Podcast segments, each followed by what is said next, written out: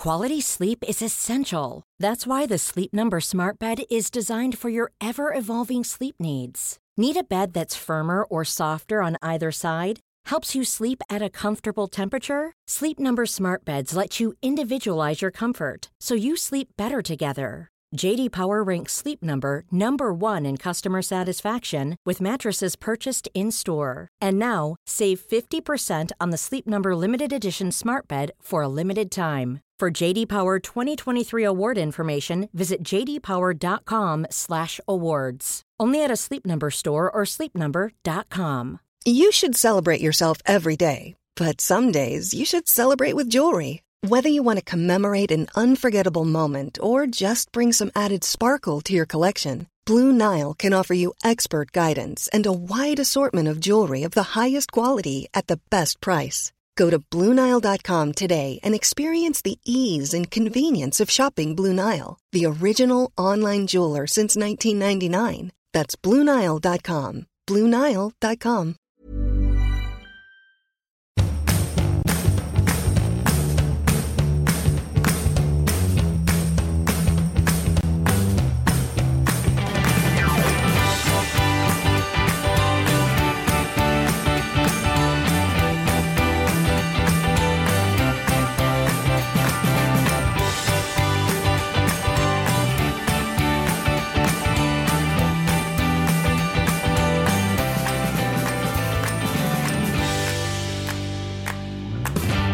Hej snörvel-Maja.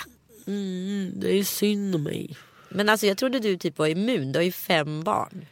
Jag vet Det här är inte. kanske andra gången i vår poddhistoria jag märker att du är förkyld. Ja. Men eh, jag trodde igår kväll efter jag var färdiginspelad att så här, nu kommer jag bara däcka.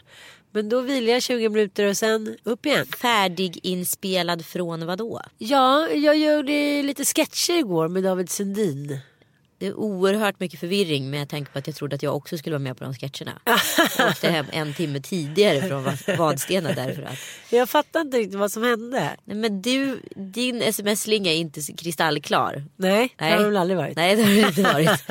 Så, Den är lite pepprig. den är lite, lite luddig. Ja. Ja, nej, men så då fick jag i alla fall tydliga indikationer på att jag skulle vara med. För jag frågade nämligen, sa, kallade nämligen dig för en liten slamkrypare. Ja, det trodde jag bara var lite roligt så att jag var lite hemlig. Så då skrev jag slemkrypare tillbaka. Ja, och så var det inte så mycket mer med det. Och sen Nej. var det liksom, trodde jag att det var utrett och klart. Men icke! Det visade sig att det bara var du som skulle vara med i sketcherna. ja. Det var ju bra. ja, det var ju bra. Så då kunde ju du slappa lite. Exakt. Gjorde du det då? Ja. Ja, du lämnade barnen igår. Jag lämnade barnen igår. Precis. Vi har varit i Vadstena, eller Vadstena, hela vad heter det, påsken.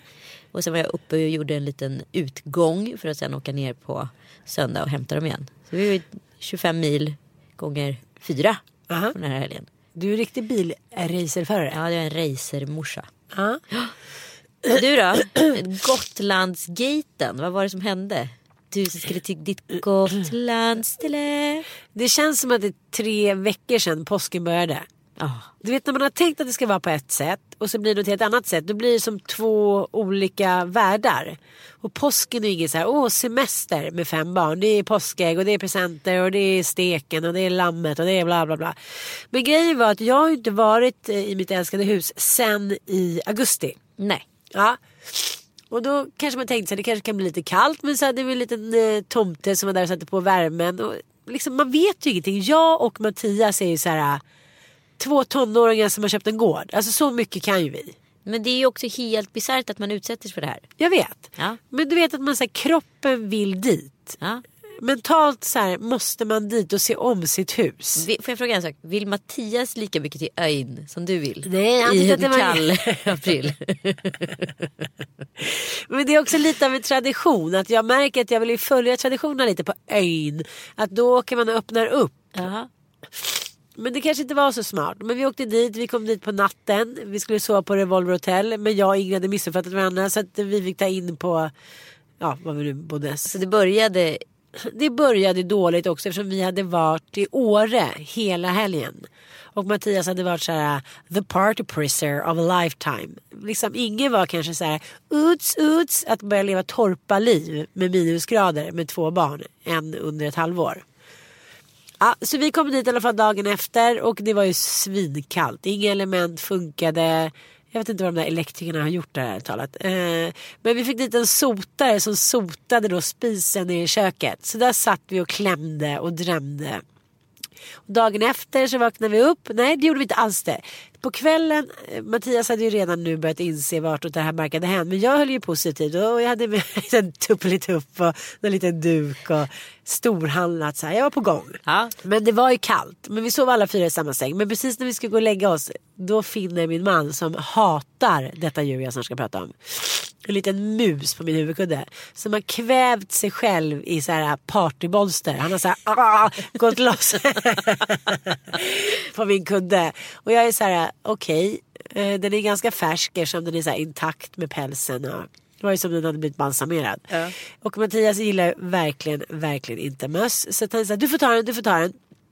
Och så ska man bädda, bädda rent. Ja men du fattar. Man kan liksom inte gå utanför sovrummet och där vill man inte vara på något sätt. Nej jag fattar precis. Ja. Det är lite så jag har det just nu i min lägenhet. För att den enda tv som fungerar är den i sovrummet. Så det, liksom, vardagsrummet har förlorat sin funktion just Ja. nu. Det är så konstigt för man är liksom så orienterad till sovrummet och barnen de har liksom börjat använda sängen som någon typ av så här lekhage. Ja. Så alla leksaker är i sängen dagtid. Och så sitter de där och så kollar de på barnkanal eller vad de nu gör. Och Du bara lever här, liksom i ett rum och kök "Ja, utan kök. Varför? Ja men det är lätt att härbärgera sig. Det är lätt att liksom fastna på ett ställe. Men det är hemskt. Jag måste ta mig ut till vardagsrummet igen. Det är mitt mission den här veckan. Du har ett stort vardagsrum. Ja, Än så länge. ja. Ja. men hur som helst. Så att, eh, dagen efter då på morgonen så spöregnade det. Och var kanske så här, fyra grader. Ja. Ja. Och Bobo var så här, nu ska vi ta på studsmatta och han och Frasse satt i vardagsrummet och Frasse var iskall. Ja, men så här, vi förstod att stannar vi här kommer vi alla få dubbelsidig lunginflammation. Eller Och jag förstod ju inte det. Typ nästan du som har fått det. Ja, jag vet. Det är det som är konstigt. Och så skulle grabbarna komma på torsdag och tänkte vad ska de göra här? Ska de sitta i köket med oss? Och så här, Sitta och frysa framför spisen. Men eftersom jag hade längtat så så blev det ju nästan skilsmässa. En riktigt risig stämning på vägen dit och vägen hem. Oj, oj, oj, oj. Du vet när man är såhär, vad fan du kan inte packa mer grejer nu. Jag ska bara ta med den här Förstår du hur påsen. den här versionen kommer låta sen på, från Mattias håll? Ifall ni skulle separera. Ja, vadå? Hur du liksom var den galna kvinnan som skulle till ön till vilket pris som helst. Jo men då är ju alla som ska dit till vilket pris som helst på påsken galna då. Ja. Ja, men det var inte så himla smart. Men jag ville verkligen dit och barnen ville dit och det tyckte jag var positivt. Så då eh, åkte vi hem. Det var en riktigt risig stämning. Eh, Och men... du levde lite under radioskugga där för du vågade inte outa eftersom du tydligen skulle ha också lovat någon typ av Gotlandsentreprenör eller entusiast på sociala medier. Att, Gotlands att, news. att vara liksom deras instagramkonto. Så du Ja. måste liksom gjort som med proffsbloggarna och proffsinstagrammarna. Att så här, stackade bilder från ön så du kunde pytsa ut lite efterhand. en, ett dygn extra. Så att jag var inte hemma. Alltså jag var hemma men jag var ändå inte hemma. Exakt. Ja. Ja. Ändå coolt gjort av mig. Jävligt Ja. modernt. Och då fick jag lite skuldkänsla inför min pappa så då ringde jag honom så kommer han över och sen var jag tvungen att så här, pynta och handla och handla om. Så att, nej, jag, jag tror bara att det, är så här, det här blev liksom lite för mycket även för mig. Men jag är ju också, det är ju väldigt märkligt när man, alltså jag var ju i LA förra veckan mellan tisdag till måndag. Ja. Eh, och så komma hem och kastas in i liksom vardagen igen med allt vad det innebär och sen så bara eh, jobba på, hämta barnen på förskolan tidigt, så sticka ner till Vadstena. Alltså så här, att det var liksom helt plötsligt bara gått mindre än en vecka sedan man var i Los Angeles och levde ett helt annat liv. Det är som att den, det har varit en dröm, precis som våran podd hette. Att det Ah. typ inte existerade, för det är så surrealistiskt. När också hela LA-resan i sig var oerhört intensiv med alla aktiviteter och grejer. Så det är som att jag inte varit där men ändå varit där. Men jag fattar vad du menar. Men det, när du berättar en sån där liten historia. Det är då jag förstår att människor kan lämna allt och dra. Ja. För att när man hamnar i en helt ny miljö som är lite surrealistisk och kanske inbjudande med människor som kanske inte alls lever det liv man lever. Man blir ganska snabbt indragen i det. Annars Ja. skulle inte folk liksom överhuvudtaget överleva någonting. Krig, våldtäkter, skilsmässor. Ja, Nej men det är anpassningsteorin. Alltså, Ja. så här, alltså, men alla människor är ju uppenbarligen liksom kapabla till att döda en annan. Ja, då gör du det om du måste. Och du är också liksom kapabel till att överleva och ta dig vidare. Och även om din familj dör i krig så kommer du kunna ta dig vidare och leva i ett annat land och starta upp igen. För vi är liksom Vi programmerade som att vi kan göra en omstart då och då. Det kan man ju se bara på folk som går ur en relation och bara Ja. här, startar om sig själva och är någon ny. Aha. Ja, men eh, brukar inte du så fantisera ibland när du är utomlands på ganska så här märkliga ställen, typ Colombia och så här, så här. Så åker man igenom ett så här bostadsområde som man tänker, ah, men det här är ändå helt okej. Tänk om någon sa så här till mig, nu ska du bo här, du ska börja ett helt nytt liv. Undrar hur lång tid det skulle ta innan man så här, skulle man, man skulle väl göra det då? Men det finns ju två olika ingångar på det här. Det finns ju den som tvingar en till att leva Ja. ett nytt liv. Alltså den som är så här, nu har inte du något val. Nej. Nu måste du bo i det här landet. Nu måste du starta om från början. Den ansatsen tror jag är liksom väldigt mycket större. Än den som frivilligt kommer såklart och är så här, åh, här vill jag bo. Alltså det här, det här är mitt nya liv. Det, det Jo, här det är fattar jag. jag också, det är Einstein. Du, det, det är som det, det du tror att du är gotlänning liksom. Ja. Ja. Jag vill bara skulle- flytta längre och längre bort. Jag känner att nu måste jag till Fårö. Ingen ska kunna nå mig. Jag vill bara bort till världens ände. Och ändå kunna ta mig tillbaka snabbt. Hur tänker du? Ena vägen går du framåt, ena vägen går bra, andra vägen. Nej, det kanske inte var världens mest lyckade påsk på det sättet. Men å andra sidan så var vi hemma. Du var förbi en sväng. Pappa kom. Han mådde jättebra. Han hade ett nytt jobb. Det blev liksom lite hang around in the house. Men jag gillar ju påsken mer än vad jag gillar julen. Jag om man nu med. måste välja. För att julen är ju superhärlig, det kan man inte neka till. Men julen är också så starten på så fyra månaders helvete. Vä- alltså vädermässigt. Ja. Påsken den kommer ju med väldigt goda nyheter.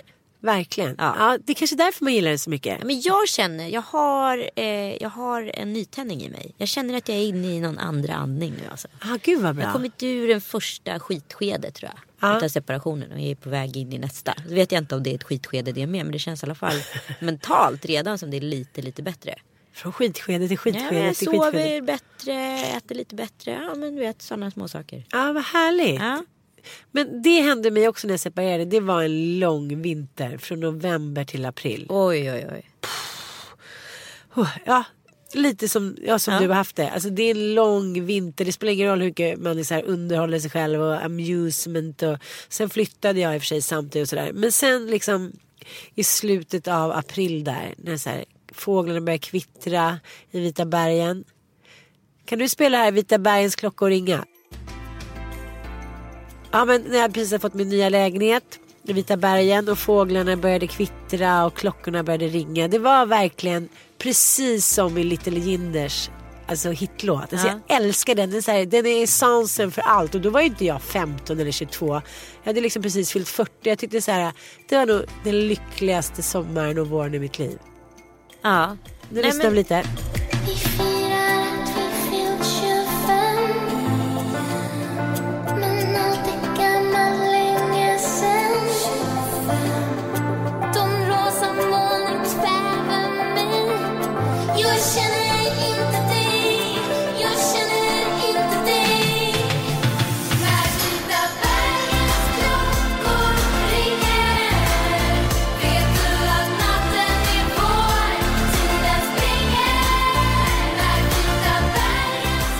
Älskar inte den där låten? Jo, den alltså, så här, att hon har skrivit den där låten. Hon är ett jävla geni. Nu verkar det ju finnas en, liksom en eh, affirmationskoppling här. Nej. Också. Nej. Så, så, geni, det känns ju inte liksom. Ja, men vadå? det är superobjektivt. Nej men vad- hon och Robin tycker jag, de, de är så här, de som har gjort musik som har betytt väldigt mycket för mig. Robin! Vad sa du? Sångerskan Robin. Ja, ja, ja, men alltså Little Jinder kan väl inte jämställas med Robin? Varför? Därför. De är, hon har ju för fan släppt typ ett album. Ja men, Robin har väl släppt så här 20 typ. ja men jag menar bara känslor som vissa sångerskor kan sätta igång igen. Ja, ja. Ah, du gris. Jag är en gris. Eh, vi ska åka till Thailand nu och ska göra vår show. Ja, Ja, det ska bli jätteroligt. och jag håller på att skriva på en bok. Ja, Vad är en sån sak? show och bok. Show och bok. Har boken något namn? Mm, kan jag inte säga. Jag vet vad den har för namn. Det är- Den har ett jättebra namn. Det kommer bli jätteintressant. Jag skriver också en bok. Jag gör också det. Jag vill också vara på radio. Jag vill också. Ja, men jag vill också ha nytändning. Nej men jag har ju intervjuat då han eh, Fredrik Hallgren. Han spelar alltså Martin i Bonusfamiljen. Och trots att han så här är en punk, bitter loser. Eh, som har så här, eh, svåra komplex för allt möjligt. Så finner man ju ändå en känsla av sympati för honom. Men han är ju liksom en sån här Tony Soprano-karaktär. En person som man egentligen eh, enligt alla konstens regler borde avsky. Ja. Men gillar. Visst är det märkligt? Märkligt. Men den där rollen kan bara en man alltså ikläda sig. En kvinna som hade varit motsvarande hans karaktär. Hon hade ju varit absolut osympatisk. Ja, ja, ja. Men jag tycker att det finns en scen, eh, jag vet inte om ni har sett den, men det finns en scen i eh, Bonusfamiljen när eh, de ska fira jul tillsammans och eh, Martin ska åka och lämna sina barn, behöver lite packad, har precis bråkat och bokstavligen bett sin nya flickvän att så här, dra åt helvete din jävla fitta typ. Alltså det är såhär, it's hard shit. Ja. Och han kommer dit och är absolut inte önskvärd såklart. Men man känner igen sig i det där att man, så här, man är så ledsen och så ensam och känner sig så övergiven. Så man skiter i om folk vill ha en där eller inte. Man vill hellre vara där på nåder och liksom känna sig föraktad än att inte vara där alls. Exakt. Det är katapultstolen. Ja. Man skjuter sig ut. Ja. Och det var faktiskt ganska kul när vi var i Åre. Då var det en tjejkompis till mig som skilde sig för två somrar sedan. Och eh, liksom åkte då på en midsommarfest där hon typ inte kände någon. Och bara satt och bölade hela liksom helgen och blev förpackad. Och så träffade hon då de här personerna igen som höll i den här midsommarfesten. Och var såhär. Hej hej. Ja det kanske inte var så kul för er. Och då tänkte jag på det där. På den scenen att man. Alltså vad ensam man kan känna sig när man är nyseparerad eller. Ja, man, Det värsta är ju också att komma just till en sån här pargemenskapsgrej. Man bara känner sig som så fucking femte benet. Man Ja. bara, Och man är ju det också på ett Ja, och nu bara sitter de här stackars människorna och förbarmar sig. Det är ingen som egentligen har lust att lyssna på mitt trasiga äktenskap eller varför det saker och ting blev som det blev.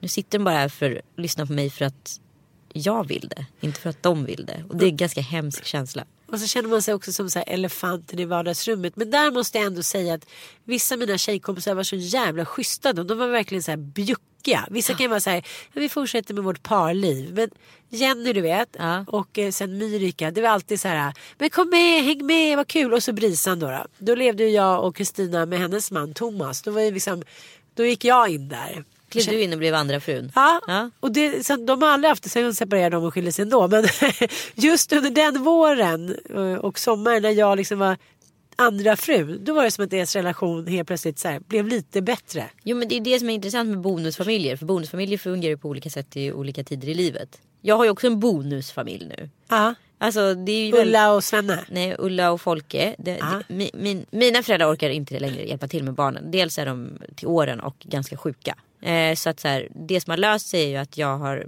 min kompis Lina som är gudmor till både Penny och Tom Allan. Hennes föräldrar eh, älskar barn och hennes mamma är gammal förskolepedagog och sådär. Så att de har ju liksom tagit sig an de här barnen. För Lina har inga egna barn. Eh, vilket har blivit en fantastisk fusion. Liksom. Så att eh, det funkar fantastiskt. Sen har jag också så här. Sen har jag också blivit den andra frun. Eller förstår du? Den där som kan drälla in och få bara vara en del av en annan familj. Och vara liksom någonstans mellan tonårsdotter och, och liksom eh, fru. Karriärista typ. Ja men alltså den där människan som dräller in och ändå får, får en plats. Och också har tillräckligt mycket ro i kroppen i den där familjen att så här, somna i soffan. Gud vad härligt. Ja, men du vet det är inte ofta man har det. Nej. Nej. Nej men det är det som har hänt tror jag. Så här, sömnen har kommit tillbaka och jag är liksom lite mer i harmoni bara därför att. Ja. Ska vi gå in i frågorna? Ja. Vi har fått massa frågor här. Jaha. Eh, ja, det kan det ju vara när man har varit alert på Jag Instagram. Katarina Sofia tycker att eh, hon inte, att vi undrar, undrar hur vi ser på det här med dagens feministhets. Alltså så här, typ feminist och body positive och sådana saker. I'm all in for don't, eh, I'm all in for it men don't get me wrong. Jo men jag tycker att, eh, nu håller jag hela tiden på att återgå till Kim Kardashian. Men jag Hon tycker heter att, fortfarande Kim Kardashian. ja ja men i min värld heter hon Kardashian. Okej, nu heter hon inte ens det. Ja, Kim Kardashian. Jag tycker hon är på något sätt ett före och ett efter. Nu tycker jag att det är mycket mer tillåtet. att hardcore feministerna är så här. Om du vill ha sillisar, om du vill göra det, om du vill ha botox. Det ska vara upp till dig. Helt plötsligt så är all liksom självbejakning är rätt bejakning. Förstår du vad jag menar? Ja. Så tycker jag att det har blivit. Det kommer säkert dras åt igen snaran. Men just nu tycker jag att feminismen är väldigt tillåtande. Ja, och ska den inte få vara det eller? Jo, jag tycker det är underbart. Nej men jag tycker som sagt att när man, om man så här, det man själv sänder ut. Och när man själv, sen är det ju svårt att veta vad som är rätt och vad som är fel. Förstår du? Men det man själv sänder ut och som man själv har tryckt på så här. Det här kan jag stå för och det här är okej för mig. Då borde ju det rimligen vara okej. Eller? Är det för vagt? Jo, nej det är inte för vagt men jag tycker, så här, jag tycker att det här är ett sånt minfält att så här, ge sig in eller ut på. För att om man säger så här, men jag har gjort eh, tuttarna eller jag har gjort det eller jag har gjort det för min egen skull. Men om vi skulle bo så här äh, med kossorna alltså ute i, liksom, i bondgården då skulle det väl inte göra tuttarna. Nej, då kanske du inte hade liksom vaxat överläppen heller eller färgat håret heller. Alltså var drar vi gränsen för förändring? Och är det verkligen där feminismen handlar om att vi så här. Jag menar, det är klart att vi har alltså i första le- ledet lånat ut vår kropp till män som ett någon typ av så här sexuellt attribut. To please them. Men sen har vi tagit tillbaka den bastiljonen. Ja, Eh, och nu har vi liksom omformulerat den och gjort den till vår egen. Och då när vi liksom äger den och sänder ut det vi vill kommunicera runt det här. Då blir det ju något annat. Då, gör, då vis, lägger vi inte upp tuttbilder på Instagram för att så här, please the men. Då kanske vi gör det för oss själva eller för att vi bara så här, manifestar vilken härlig jävla kropp vi har. Eller vad det nu är. ja. Men det, det kommer ju ändå alltid vara män som attraheras av de bilderna. För det är ju så det funkar. Men det, vill vi inte det? Eller förstår du? Alltså var, var Ja. börjar det var slutar det? Jo men det är bara som när jag var på Skansen i söndags som går omkring där och eh, de här påfåglarna går omkring och så här, och ska visa stjärtarna för varandra. Jaha, de vill ju visa dem för att de vill vara fina för de som de ska attrahera. Ja. Så, så här, det är inte, men jag tycker i alla fall att feminismen är mer tillåtande just nu och jag tycker det är skönt. För ett tag kändes det som att så här, det fanns några väldigt, eh, eh, ja vad ska man säga, Ja, det var eh, några feminister, särskilt i den här stan Stockholm, som tog väldigt mycket plats. Ja. Om de tyckte till om någonting, då var det så här, ja, men, lite så här skrämmas till tystnad. Det tycker jag inte riktigt finns på samma sätt längre. Ja, nu är det min tur att ställa en fråga. Eh, jag fick frågan här nu då. Vardagspusslet, hur gör ni för att få ihop vardagen med jobb, barn, kärlek, vänner, träning etc. Känner ni att ni räcker till? Nej, Nej. absolut inte. Vem fan räcker till? Det är väl ingen som räcker till? Nej, men så här, å andra sidan, så här, räcker till för vad? Jag tror att vi måste så här, backa liksom, bandet. Så här, vem har sagt att vi ska räcka till till så här, träna, gympa, familj, bla bla bla. Alltså, så här, vi måste tulla på någonting för att kunna räcka till. Om vi, ska göra om vi ska göra karriär då måste vi tulla på barn och relationen. Jag känner så här just nu, nu jobbar jag ganska mycket. Ja, kanske inte världens bästa morsa. Jag är fan en usel fru. Alltså usel. Jag är bara så här, här ta barnet, nu går jag, ring Foodora, imorgon kommer jag hem. Nej, då får du vara hemma, nu är det min tur. Så här, vi pratade om det igår, det var bara så här, men gud, så här, sexlivet, vad hände? Gud vad tråkigt, så här, nu måste vi verkligen göra någonting. Finns liksom inte en liksom, liten glipa för så här, kärlek, sex och romantik. Det är bara så här, nästa grej, nästa grej, nästa grej. Och det är det jag gör fel känner jag. du skalar ju alltid upp. Ja, Du inte alltid upp skala när jag ner. ska skala ner. Men jag tänker tiden så här, men då när jag spelat in klart det där runt 3 juni, då lugnar allting ner sig. Men det är bara ett falsarium. Ja det är ju bara för att lura dig själv. Ja, men jag skulle vilja åka till typ så här en öde ö. Mm. Har du sett den där filmen med Brooke Shields och han den där surferduden? Tillbaka, nej den blå lagunen heter den. Ja. Ja. Då förliser ju de och sen så de är ju jätteunga och hon får män som blir med barn hit och dit. Men ibland drömmer jag om så här, undrar hur jag och Mattias skulle ha det om vi förliste. Bara han och jag, typ ett par veckor. Ett par veckor och så lämnar ni alla barnen. ja, då skulle vi bli jättekära tror jag. Det tror jag med. jag tror, vi är väldigt bra på att vara lediga tillsammans. Ja. Men vi är inte bra på att så här, vardagar tillsammans. Nej. Mycket maktkamp. Så att så här, vi räcker inte till men eh, mycket handlar ju om inställning. Så är det bara. Och så länge tycker jag att man gör någonting som man tror på och som, som kan hjälpa andra eller någonting som eh, är härligt för en själv. Då kan man liksom få sig själv att gå upp varje morgon och tycka att det är värt det. Och barnen inte lider. Ja. Man och lite sådär tycker jag kan lida men just barnen. Men alltså, jag sitter i en annan situation nu. Jag satt ju typ där du satt för ett halvår sedan. Men nu sitter jag i en situation där jag egentligen kan välja precis vad jag vill. Förstår Ja. du? Då har du hur mycket tid i världen som helst. Ja, jag har ju väldigt mycket tid. Ja visst är det konstigt. Men det är det som är så konstigt när man har så mycket tid. Då slutar man ändå att man väljer idiotgrejer. Så människan trivs inte med frihet. Det är min enda så här, konstaterande utav det här. Alltså vi vill hänga upp vårt liv på någon annan. Alltså, me- I alla fall mitt liv går ut väldigt mycket på att att vara en duo. Jag vill vara med någon som jag tycker om. Jag med.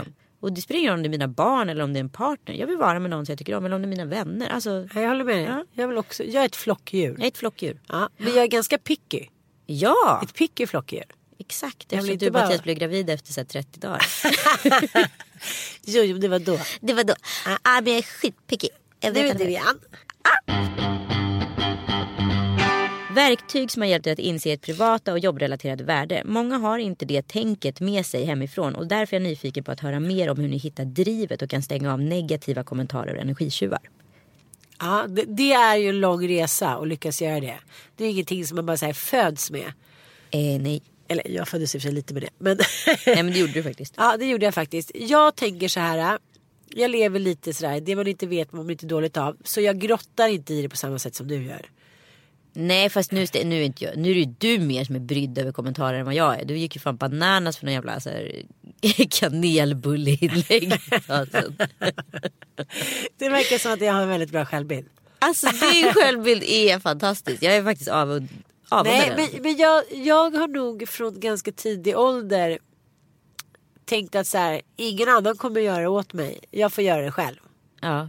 Och det kanske tar lite längre tid att så här, uppnå nirvana. Men när du väl har gjort det på din egen, liksom, egen fria vilja och hårt kämpande. Då är du ganska, alltså, då värdesätter du ganska mycket när du kommer dit. Och då är det inte lika lätt att putta bort dig från, så här, vad ska man säga, ja, det, det plattform som du själv har skapat. Jag tror på att skapa sig sin egen plattform där man själv liksom är på någon form av härskare. Sen så kan man släppa in andra men någonstans så är det så här.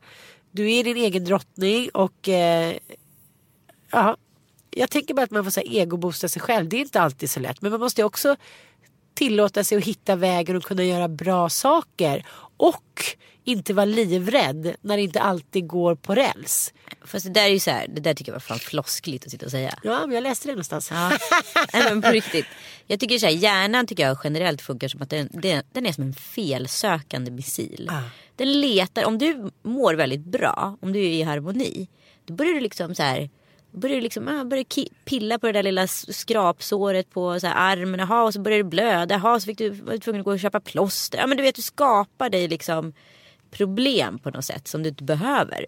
Det finns ingenting. Alltså jag tror på att inre harmoni den är så otroligt kortvarig. Jag tror inte på människor som säger att de har harmoni. Jag förstår. Alltså det, jag kanske är helt, eh, jag kanske bara så kommer skratta åt mig själv om ett halvår och bara haha du är sån jävla neggfitta liksom. Men nej. Men tror, man kan ju ha korta stunder av lycka och harmoni. Absolut, men däremot så tror jag så att det som det handlar om det är att så här sondera terrängen bland den här felsökande missilen. Att så välja att så här, ska jag ta det här eller ska jag inte ta det här? Okej, jag tar någon annan skit istället. Jag tar inte den där skiten. Jo, men jag, jag tror också så här. Man kan ju fastna i små svarta hål. Men man kan också hjälpa sig själv upp ur de där svarta hålen mer än vad man tror. Man kan göra ett val. Ja. Jag ligger kvar och göttar mig. Eller jag försöker hitta en möjlighet att ta mig upp. Och ibland kanske det tar lång tid. Ja men gud, jag har ju verkligen varit nere på, alltså, nere på botten och vänt känns det som. Ja. Om jag ens har vänt, det vet jag inte men jag tror det i alla fall. Men jag tycker också att för mig har det kanske varit att jag har inte valt riktigt att stoppa så här handen i syltburken. Nej. Jag har så här, ja men prejat runt lite mellan så här, ja. Alltså de hinder som har funnits har liksom ja, puttat undan lite, gått vidare. Jag, jag är nog ganska bra på att inte fastna. Men det är också någonting som man medvetet gör. Ja, alltså både och. Det beror ju på utsatt, utsattheten i situationen. Absolut. Ja, men om du liksom är liksom mitt i stormens öga då är det ju svårt att så här. Då är det ju svårt att titta upp och se klart för att det blåser ju ganska ordentligt. Så du måste ju antingen blunda eller ducka liksom. Jo det är sant. Men, men jag tror att det som jag har gjort när det har varit så jobbigast. Det är så här. Man är lite som en, så här, som en myra.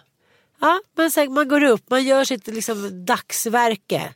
Man kanske inte är världens lyckligaste myra när man går och lägger sig. Man kanske inte ens liksom får middag. Men man, så här, man går upp nästa dag och när man har gjort det i x antal dagar. Liksom, då händer det någonting. Förstår du vad jag menar? Ja, ja. Ibland så behöver det inte vara mer. Nej, I'm with you. Ja. Så att jag tror mycket på det där att bara liksom göra det. Förstår du vad jag menar? Hur jobbigt det än känns och även fast hela dagen, hela veckan, hela månaden är piss. Så gör man det. Man går ändå upp och gör sin rutin. Som så här, vilken jävla fängelsekund som helst. Och sen så helt plötsligt en dag när man minst anar det, som för dig nu, så vänder det. Men man måste ju också kunna söka hjälp. Jag kan ju bli lite irriterad och trött på människor som är så här, det kommer inte bli bättre. Ja, så här så är här, jag, så här är tio jag, år så här jag. senare liksom, samma man eld. bara, men det finns hjälp att få, vi lever i en fri värld. Liksom. Berätta lite om era planer och kommande projekt framöver. Ja, roligt. Säger Emilia. Ja, eh, ja, men det- är ju vår show. Ja. Ja, och vi, ska, ja, vi skriver båda på varsin bok. Ja. Jag ska göra det i alla fall. Du ska göra det. Är det något du har- ja, okej. Ja, jag skriva på en bok. Det ska bli kul. Och sen så håller vi på med vår show. Och sen har jag en massa andra projekt också. Men de får jag inte prata om. Nej, inte jag heller. Men det är så vi tråkiga känner oss får. nöjda. Vi är nöjda och glada och trygga. Ja. Ja, Och jag ska göra lite radio, det känns kul. ja det är roligt. Ja, Får bjuda in mig då. ja på tisdag, P5. Kul. Ja, då kan du komma. Ja, kanske det. eh, jag har många frågor. Sanna säger här. Likheter, olikheter mellan männen du älskat och vad du lärt och tagit med dig från dina olika kärleksrelationer genom livet så här i efterhand. Varför har du velat gifta dig? Vill du vara gift igen? Och om du träffar rätt man, hur ser livet ut om tio år? Och herregud. Ja, men det är flera som har frågat, hur ser, tror ni att ert liv ser ut om fem år? Vad har ni för planer? Åh gud. Eh, Gud, har ni tid eller? Va? Har ni tid eller? Ja, exakt. Eh, jag tror att det finns, det fin, min första kille är väldigt lik min sista kille. Det finns absolut en gemensam nämnare. Det finns en klick i de männen. Eh, Jag har sett ett mönster hos mig själv och hos de snubbarna jag faller för. Ja. Eh, så att absolut finns det liksom det. Sen finns det liksom, sen är alla männen väldigt, väldigt olika hur de har varit humörmässigt. Men alla varit liksom känsliga kreatörer och liksom på något sätt så här inom en kreativ sfär. Och det, det är ju väldigt kul med kreativa människor för att de är så sprudlande och har så mycket i sig liksom. Eh, och, och sen så har de ju också ett jättemörker. Ja. Eh, så det är ju det som är problemet. Så man får lite ta det onda med det goda. Man får lite ta det onda med det goda. Eh, jag tror inte jag kommer gifta mig igen. Men vad ska jag säga? Det kanske jag gör om tio år. Och då kanske jag gift mig i, i Frankrike i en liten by och så är man fem personer på bröllopet.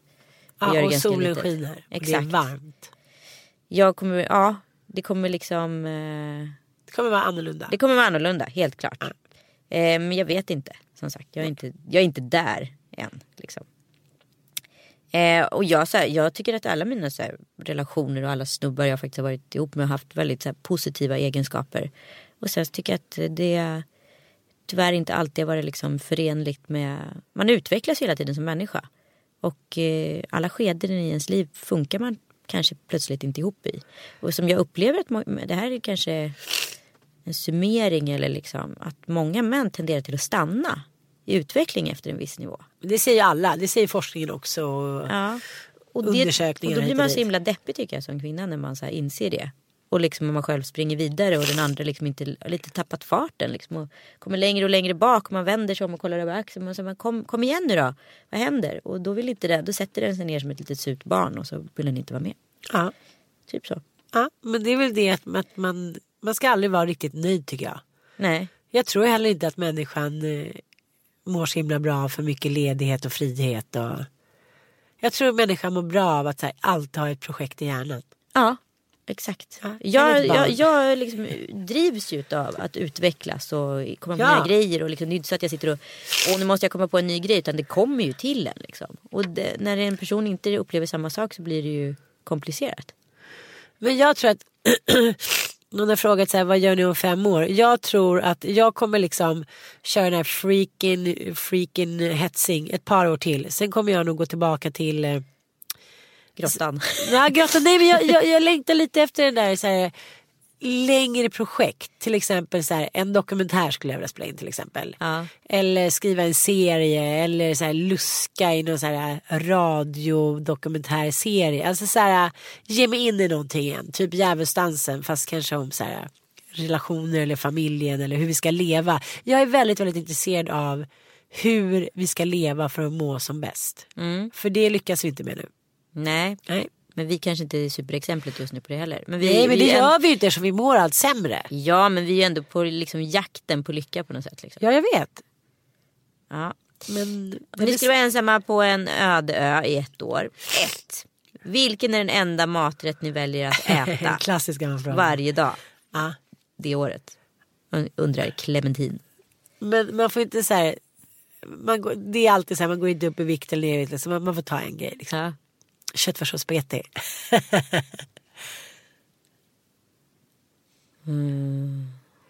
Fast den där kokosfisken vi åt i Kenya med ris. också trevligskap. Den här Hummerpastan. Ah. Hummerpastan med smör. Då kan vi dela lite. Vi delar.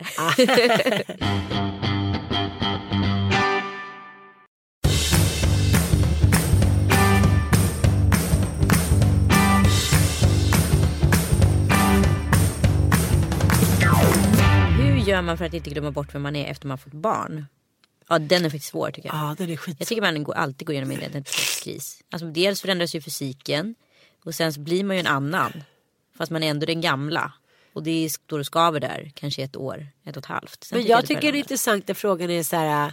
Att man också ska ställa de här frågorna till mannen.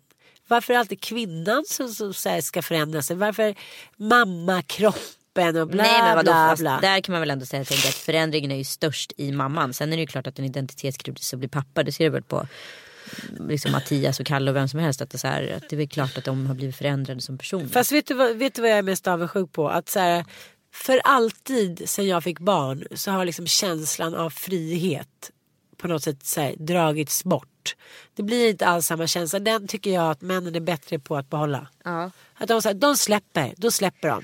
De litar så otroligt mycket på oss och vi litar inte lika mycket på dem. Ja, men där har man ju sömnen. Alltså den som vaknar på natten. Ja. Den är inte fri. Jag har alltid vaknat på natten. Så vad är lösningen då? Man, får, måste liksom, man måste bli vän med sig själv. Och det är inte det lättaste. Jag tror bara, det låter så floskligt men ju mer jag lever, ju fler barn jag får, ju fler män jag träffar. Så här 50-50 på föräldraledigheten. Det är där man inser att så här, jag kommer vara med den här ungen. Den kommer inte alltid vara härlig. Jag kommer inte alltid tycka att den är, så här, är det gosigaste som finns. Den kommer spy, den kommer skrika, den kommer få hit den och dit den. Men jag står här som en tapper soldat och försvarar den här duvungen och älskar den. Och jag kommer få min belöning. Ja, Ja, ja men så är det ju. då tror jag att så här, man förändras tillsammans liksom bara mest på gott. Hur visste ni att det var dags att lämna respektive relation? Det vet man väl inte? Många sa det. Nej det vet man inte fast å andra sidan så här när man inser Jag tycker att att man de, börjar bli en parodi på sig själv. Ja. Ja, nej, men också sen när man, när man zoomar ut och börjar se hela relationen ur ett fågelperspektiv. För oftast när man är i den och i gröten och liksom är så nära, vad ska jag kalla det för, rälsen så du kan liksom inte se någonting annat runt omkring dig. Men när du sakta börjar liksom zooma ut från det där och flyga högre och högre och då ser du liksom hela spåret och så ser du att så här, men det, här har inte, det här går ju inte framåt, det här jävla rälsen den går ju tillbaka. ja men då, jag, då blir det ju liksom, då kommer du till ett vägskäl där man bara liksom så här, vad fan, är det det här jag vill? Men jag tänker också att vissa relationer kan pågå, pågå, pågå med det liksom loket som går fram och tillbaka. Och jag kände väl så här när jag kände att jag skulle ångra mig när jag låg på dödsbädden om jag var kvar i den här relationen. Då tyckte jag att det var dags att gå. Du tänkte så? Lite så. Jag tycker det är ett bra knep att till. Ja, det var jättebra. Jag kände bara liksom att så här, Tricket. ja men jag, jag kände att så här, när man kände tvivel. Förstår du? När man inte längre trodde på övertygelsen. Jag fattar. Då, då tror jag att man kände att, Och jo, när man inte var unsam längre tyckte jag var den tydligaste signalen. Ja. När man var missunnsam. När man inte var riktigt glad för en andras skull. exakt, det är bra. Vad nojar ni för och vart hittar ni styrka? Eh, gud, just nu nojar jag nojar för så mycket konstiga grejer. Jag är, inte, jag är inte mina sinnens fulla bruk just nu. Så att jag, Nej. jag nojar över saker som jag i vanliga fall inte nojar över. Typ. Nej men jag skapar mardrömsscenarion. Okej. Nej men alltså så här, jag utgår från panik hela tiden. Ja. För jag har inget annat att förhålla mig till. Det finns liksom inga, och i vanliga fall är jag så här, äh, det där löser sig, lösningsorienterad, det fixar vi. Utan så utgår hela tiden från paniken. Och sen börjar jag lösa. Så att, och det egentligen behöver inte ens vara en panik. Förstår Nej, du? jag fattar, jag fattar. Ja. Jag nojar nog för... Eh, ja, jag är lite nojig nu för det här med... Min mamma gick ju bort i livmodercancer. Jag är lite nojig för liksom Underlivet håller jag på att kolla nu. Jag är nöjd för min blivande 15-åring. Jag tycker så här. Åh, det halkas ifrån och det kom in och halkas ifrån. Jag känner att så här, greppet om en tonåring det är inte så här jättetryggt och säkert. Det gör mig orolig att jag, att jag inte ska ha kontroll över liksom, situationen på något sätt. Eh, annars så är jag inte jättenojig. Jag, jag tycker livet är ganska härligt. Jag har ju skaffat lite hjälp. Jag har skaffat en uh, barnflicka slash assistent som hjälper mig tre gånger i veckan. Otroligt skönt. Jag tycker så här. Man funderar och tittar framåt. Jag är nojig lite över vår relation också. Jag är, så här, eh, jag är lite orolig för att vi inte hinner med vår liksom, någon romantik. Och det ska man säga, nej det gör man inte i småbarnsåldern. Vi har inte varit på någon middag på fem år hit och dit. Jaha, men jag vill inte ha det så. Punkt. Tack för idag. Ja, ha det bra. tre bästa med LA och tre bästa med Stockholm.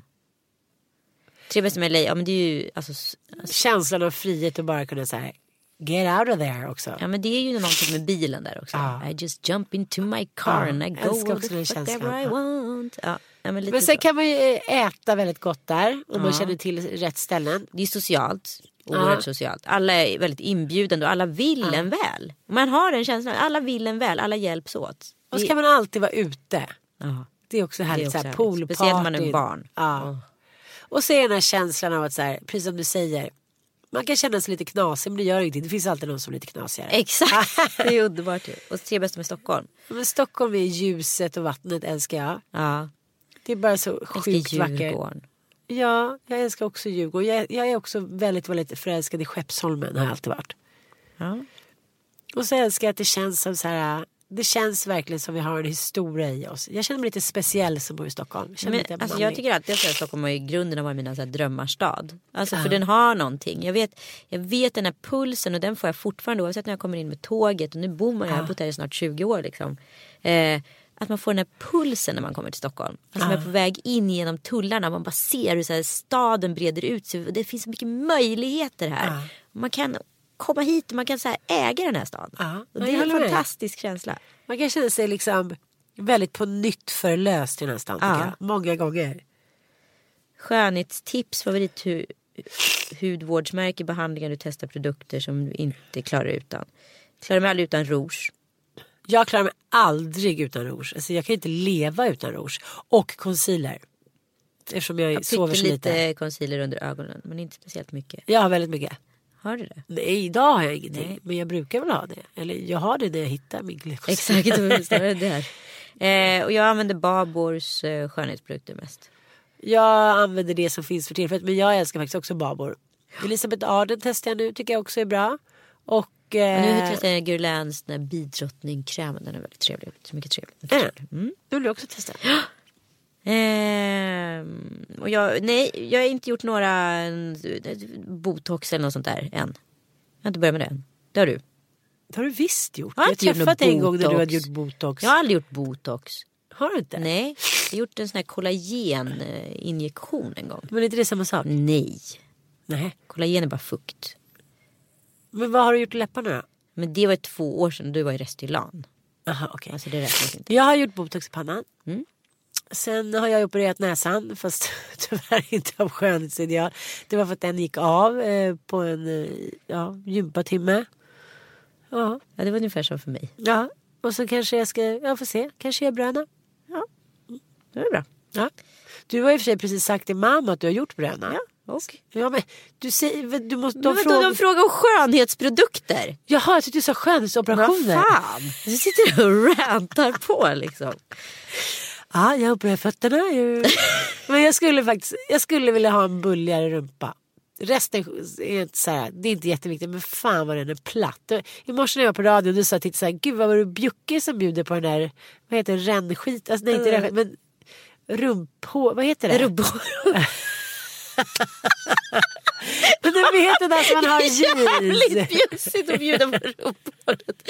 När du är i radio. Du fattar klyftan. Ja, ja, ja. Alltså men det, myntinkastet. ja, Ja. det är för att jag inte har någon rumpa så allting åker ner. Vad tycker ni om att, eh, vad tycker ni angående om att föräldrar som är väldigt unga, fördelar och nackdelar? Eh, föräldrar som är unga. Eh, det fördelen är att man är så jävla pigg och härlig och ingenting är något problem. Och man tycker allting är jättekul. Allt från att så här, fixa rummet till att flytta till att baka bullar. Så här. Så här, man är inne i en så här, jag är the mom. Eh, eller föräldrar förstår att man inte behöver vara så jävla perfekt men att man kanske ska tillbringa mer med sina, tid med sina barn än att fixa deras rum. Alltså man blir, jag tycker man blir mer för kvalitetstid. När man är ung. Nej, när man är äldre. Ja. Man, är så här, man börjar inse hur snabbt de kommer försvinna. Mm, Ja. det är sant. Och man är inte så liksom när jag fick mitt första barn då tänkte jag så här, men gud jag måste fortsätta med mitt liv, jag måste gå ut, jag, måste, så- jag var så hetsig, jag trodde att liksom, det, det inte skulle finnas kvar Nej. om ett par år. Det finns alltid kvar. Jag ska kolla PG Gyllenhammar, han fick ju barn vid 84. Alltså, så där, barerna finns kvar, modet finns kvar, så här, don't rush it så himla mycket. Det här blir jag bättre på. Nej precis. Nej men det jag kände det nu när Penny fyllde sex i helgen. Att man bara så här. Herregud jag har henne bara på lånad tid. Snart kommer hon vara utlånad till någon annan. Till någon kompis. Till någon kille. Till någon annan familj. Alltså förstår du. Man bara så här. Till sina egna barn. Alltså jag har bara henne här. Den här Jag stunden. Ja. I livet. Sen är hon borta. Alltså det är så hemskt. Jag kan inte prata om det. Jag blir typ helt tårögd. Ja, vad ska man tänka på när man startar upp ett företag? Ska man spara en budget först eller ska man köra på eh, uppstart utav starta eget bidrag eller ska man köra direkt efter man har pluggat färdigt psykolog om man ska jobba något år först? Ja. Eh, undrar Gud, det där svaret tycker jag är så himla svårt. Det är lite, Det är lite som te- ter sig liksom. ja jag tycker också det. Jag körde starta eget bidrag, jag gjorde hela den där grejen bara för att få liksom, en kickstart. Dels Ja. bara för att man lär sig något på köpet. Ja. Och sen så, så handlar det lite om så här. Man kanske behöver göra en SWOT-analys som är ärlig och inte bara till fördel för sig själv utan verkligen så här, ja men är det här en bra business att satsa på? Och jag tycker oftast att man, här, när man startar någonting så vet man ju inte riktigt om det är det som det kommer bli till 100% år två eller tre. För det utvecklas ju hela tiden. Så man ska inte vara för låst tror jag vid liksom själva arbetsmodellen. Sen tror jag att det är bra att ha en plan. Det tror jag med. Jag, jag pluggade ju samtidigt som jag jobbade för att jag skulle slippa ta några lån. Det tycker jag var bra men så blev det också kanske att man liksom rushades in i det lite för fort. Jag önskar att jag hade lärt mig lite mer om ekonomi, lite mer om företagandet. Därför tror jag det här starta eget bidrag är jäkligt bra. Då måste man väl plugga lite och lära sig lite. Ja plus att då får du också så här eh, mål. För att du Ja. ska få de här pengarna så måste du ju liksom också leverera. Ja. Men så tycker jag så här. Man ångrar aldrig att man har rest, pluggat någon annanstans, surfat på Bali, hängt med killar i Kina. Alltså så här, det finns ingen rush med Nej. att så här, utbilda sig klart tycker jag. Nej men grunden är här, börja med att ha både A och F-skatt. Det vill säga att du kan både vara anställd och fakturera. Ja. Men det betyder att du inte kan lägga ditt företag vilande i perioder. Och det behöver du inte göra ifall du har en A-skatt. Det vill säga. Eh, men jag tror inte du kanske är berättigad till a-kassa då. Oklart, man får kolla upp det där. Men det som är bra med både A och F-skatt är att du både kan vara anställd och du kan också eh, ha ett eget bolag. Jag tycker också gör din research. Om det är så här 50 000 andra som precis också vill börja med bebis och barnkläder. Men då kanske så här. Ja men det är det jag menar, gör en SWOT-analys. Ja. Styrkor, svagheter, möjligheter och hot. Sen så är det så här, vissa tycker så här, jag tycker bara att det här är så härligt, jag behöver inte tjäna några pengar. Då kan man göra lite vad fan man vill. Exakt. Maja undrar, Ja. vad var era ambitioner och drömmar när ni var 19 år? Och var det något av det ni drömde som ni uppfyllt idag? Det kan vara karriärmål, resor, personliga saker. You name it.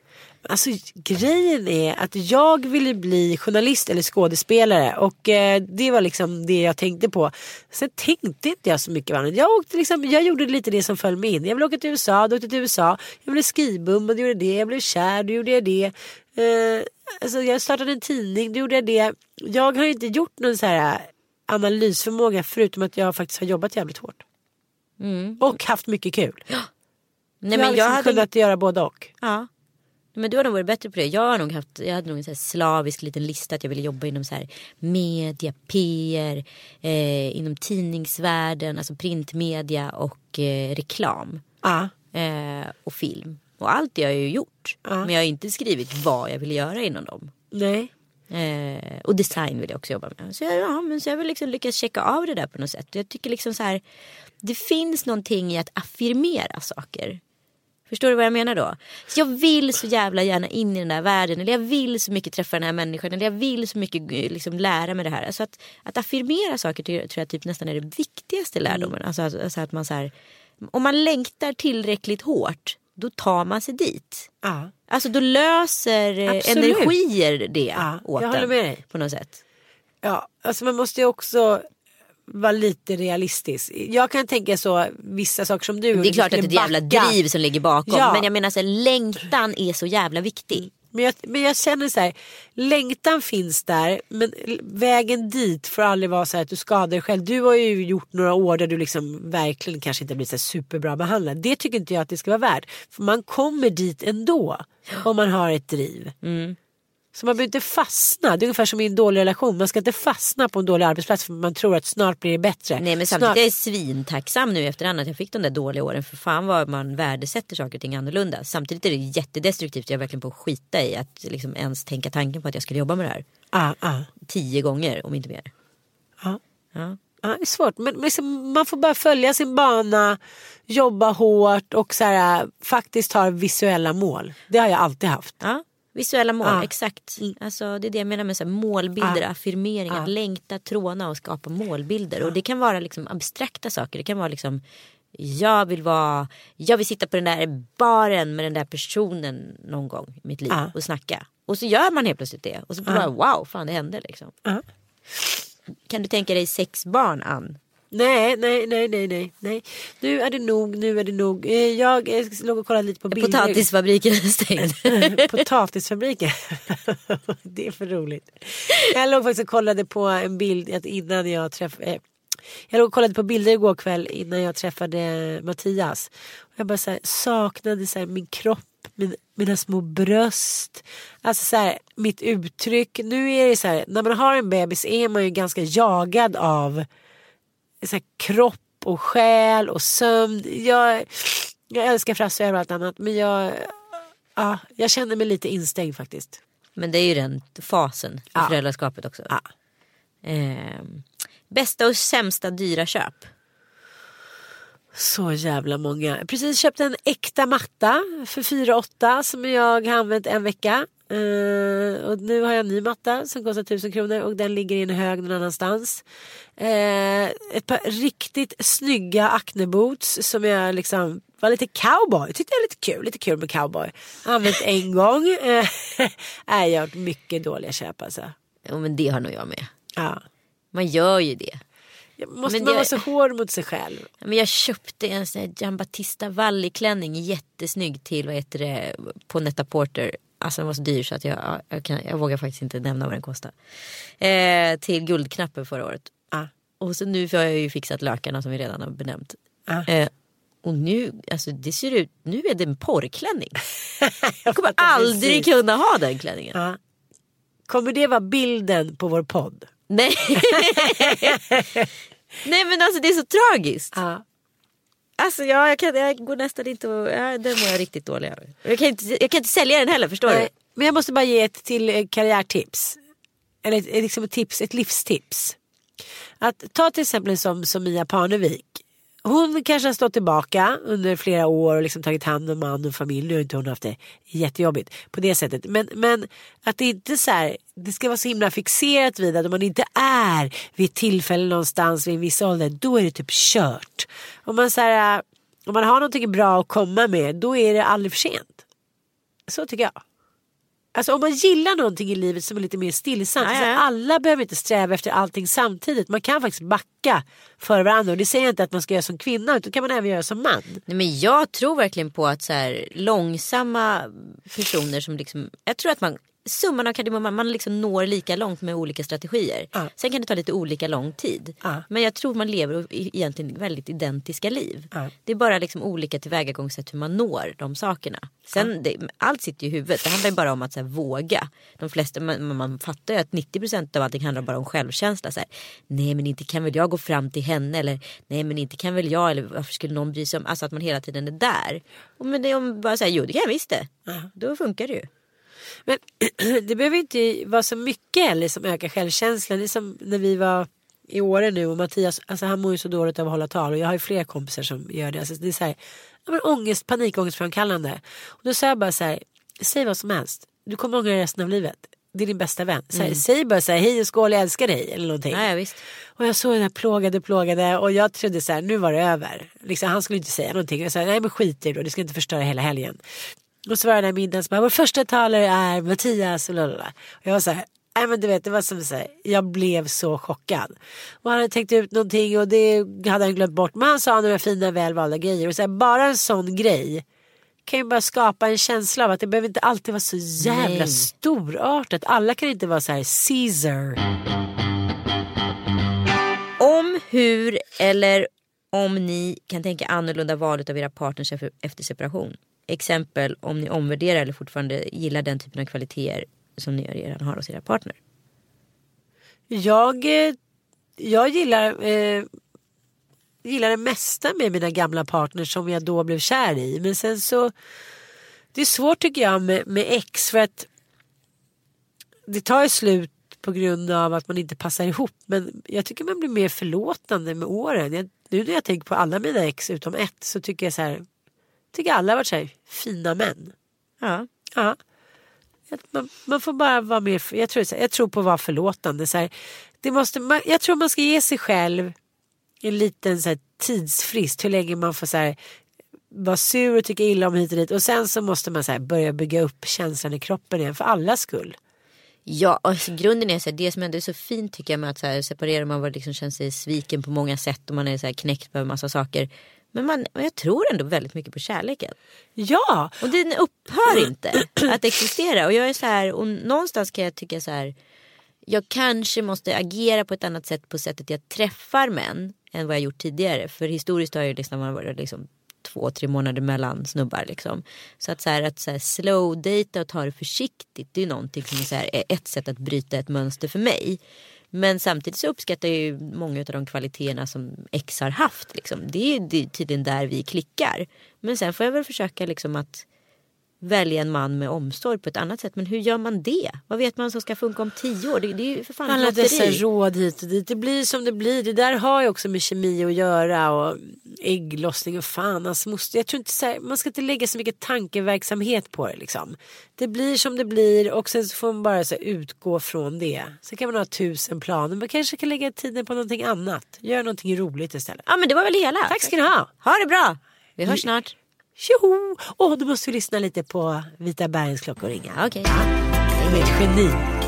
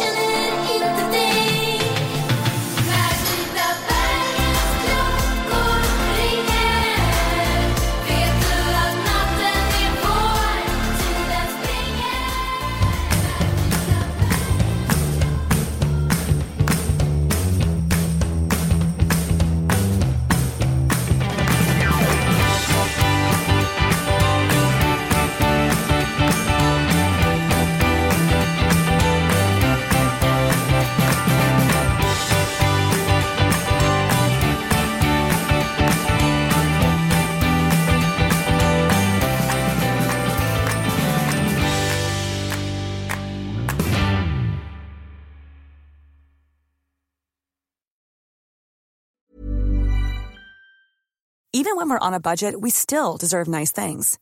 Quince is a place to scoop up stunning high-end goods for 50 to 80% less than similar brands. They have buttery soft cashmere sweaters starting at $50, luxurious Italian leather bags, and so much more. Plus, Quince only works with factories that use safe, ethical, and responsible manufacturing. Get the high-end goods you'll love without the high price tag with Quince. Go to quince.com slash style for free shipping and 365-day returns.